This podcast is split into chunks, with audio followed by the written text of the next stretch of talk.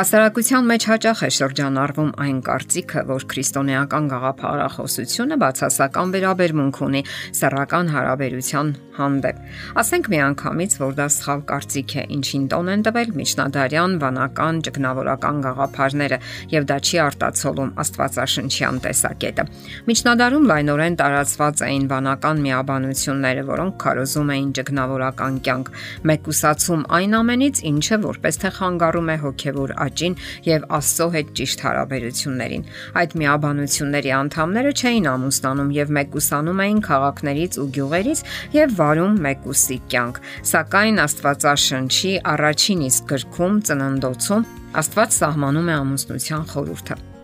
Կինն ու տղամարդը ամուսնանալով պետք է լիակատար միաբանություն ունենային միմյանց հետ, իսկ հարաբերությունների գագաթնակետը բնականաբար սեռական հարաբերություններ։ Եթե կա մի բան, որին դեմ է Աստվածաշունչը եւ քրիստոնեական գաղափարախոսությունը, դա ամուսնական մահճից դուրս սեռական հարաբերություններն են, անառակությունն ու անհավատարմությունը։ Այլ կերպ ասած, դրանք ցաղ կապերն են, որոնք քայքայում են ամուսնական միությունը եւ ընտանեկան ինստիտուտը։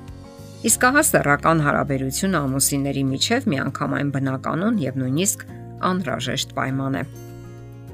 Այո, սեռական հարաբերությունը կարող է չարաշահվել, այն երբեք չպետք է լինի ինքնանպատակ եւ վերածվի մոլության, բայց չէ որ սնունդը, ֆիզիկական ակտիվությունը եւ անգամ կրոնը կարող են վերածվել մոլության։ Այսօր հայտնաբերվում են սեռական հարաբերության բավականաչափ դրական կողմեր եւ ինչու ուրեմն չնայել դրական տեսակետից այդ ամենին։ Ներկայացնենք սեռական հարաբերության վերաբերյալ 10 ճշմարտություն, որոնք པարզ են դարձնում, որ դա Աստծո ծրագրի մի մասն է մարդու համար։ Դրանից պետք չէ խուսափել եւ ավելի քան ժխտել։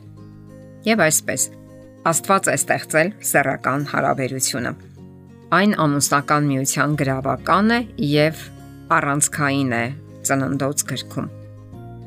Կարդում ենք. Դրա համար մարդը կթողնի իր հորն ու մորը եւ կմիանա կնոջը եւ մեկ մարմին կլինեն։ Նրանք երկուսն էլ Ադամն ու իր կինը մերկ էին եւ չէին ամաչում։ Հստակ գրված է, որ նրանք պետք է մեկ մարմին լինեին, եւ առավել հստակ է, որ նրանք մերկ էին եւ չէին ամաչում։ Նշվում է նրանց սեռական պատկանելությունը՝ արու եւ էկ եւ նրանք պետք է բազմանային։ Ցավոք մարդիկ այսօր էլ շարունակում են ստվեր նետել քրիստոնեական ուսմունքի վրա շատ ու շատ հարցերում, որոնցից մեկն էլ Աստծո արարչագործության հրաշալի պսակն է։ Այնինչ ավելի տրամաբանական կլիներ շնորհակալություն հայտնել այն ամենի համար, ինչ ստեղծել է Աստված ամուսինների համար։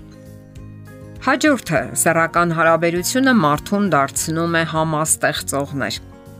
Ուշագրավ է, որ Աստված մեզ տվել է արարչագործությանը մասնակցելու Աստվածային արտոնություն։ Սեռական հարաբերության խելամիտ առեղծվածային գործընթացում երկու բջիջներ միանում են որպես մեկ, միաձուլվելով նոր մարդու սերմի մեջ։ Նոր կյանք սկսելու այս հրաշք գործընթացը, որն ավարտվում է երեխայի ծնունդով եւ որը ստեղծվել է ոչ միայն ծնողների հավաքական կերպարով, այլև Աստծո պատկերով գերազանցում է մարդկության ցանկացած տեխնոլոգիական սխրանքը։ Մենք Աստվածային արտոնություն ունենք լինելու Աստծո հետ համագործակիցներ եւ համաստեղծողներ։ Հաջորդ պահը սեռական հարաբերությունը մեզ դարձնում է պատասխանատու Երեխայի բեղմնավորումը, ծնունդը եւ մեծանալը առաջացնում է դժվար, բայց հատուցող պատասխանատվություն։ Մեր ամենամեծ պարտականությունը այս բարդ ժամանակներում երեխաներին կյանք ուղղորդելն է այնպես, որ նրանք դառնան հասարակական գործվածքի կարևոր եւ հուսալի անդամը։ Ծնողը պարտավորվում է ապահովել երեխային հնարավոր եւ անհրաժեշտ ամեն բանով եւ անում է դա սիրով եւ բարեխղճությամբ։ Ապա դասերակում է երեխաներին այնպես, որ նրանք հետևեն արարչի հանձնարարականին, հոգ տանեն նրա ողջ ստեղծագործության մասին։ Մենք դասերակում ենք գրկում, ողքեվորում, կերակրում եւ խնամում, ապահովում երեխայի աճն ու մարտահրավերներ ընդունելու ունակությունը։ Եվ դա ի վերջո հնարավորություն է տալիս մեր երեխային դառնալու պատասխանատու, սիրառատ ճափահաս, որը կարող է կրկնել ծնողներին հատուկ ստեղծագործական շնորհը։ Հաջորդ պահը՝ սեռական հարաբերությունը մեզ երջանկացնում է։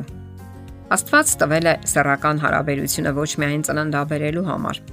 Նա այն դարձրել է հաճելի, որpիսի բարձրացնի մեր տրամադրությունը, նվազեցնի սթրեսը, ուրախություն ապարգևի եւ մեր մարմինն ու միտքը լցնի աներևակայելի գեղեցիկ զգացումներով։ Այն տրամադրում է, որ մարդը օրվա ընթացքում հաճույքով կատարի բոլոր գործերը։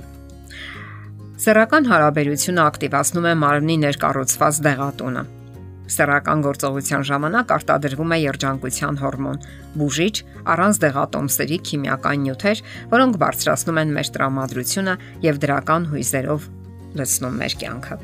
Օրինակ, ողջվել է, որ սեռական միաբանությունը մեր հարաբերություններում արկա մանր լարվածությունները, թյուրիմացություններն ու սթրեսները ջնջելու զարմանահրաշ հատկություն ունի։ Սեռական հարաբերությունը նաև առողջ ճարար է Սեռական հարաբերության կողմից ստեղծված դրական հոգեկան առողջությունը համահուն չէ մեր ֆիզիկական ինքնազգացողությանն ու բարեկեցությանը։ Այն ոչ միայն առողջ սիրտանոթային վարժություն է, ինչն ապացուցում են բժիշկները, այլև լավացնում է քունն ու հանգիստը, մաքրում է մեր մարմինը սթրեսի եւ հոգնածության տոքսիններից եւ ուրախություն է պատճառում, լցնելով մեզ էներգիայով եւ ստեղծագործական ուժով։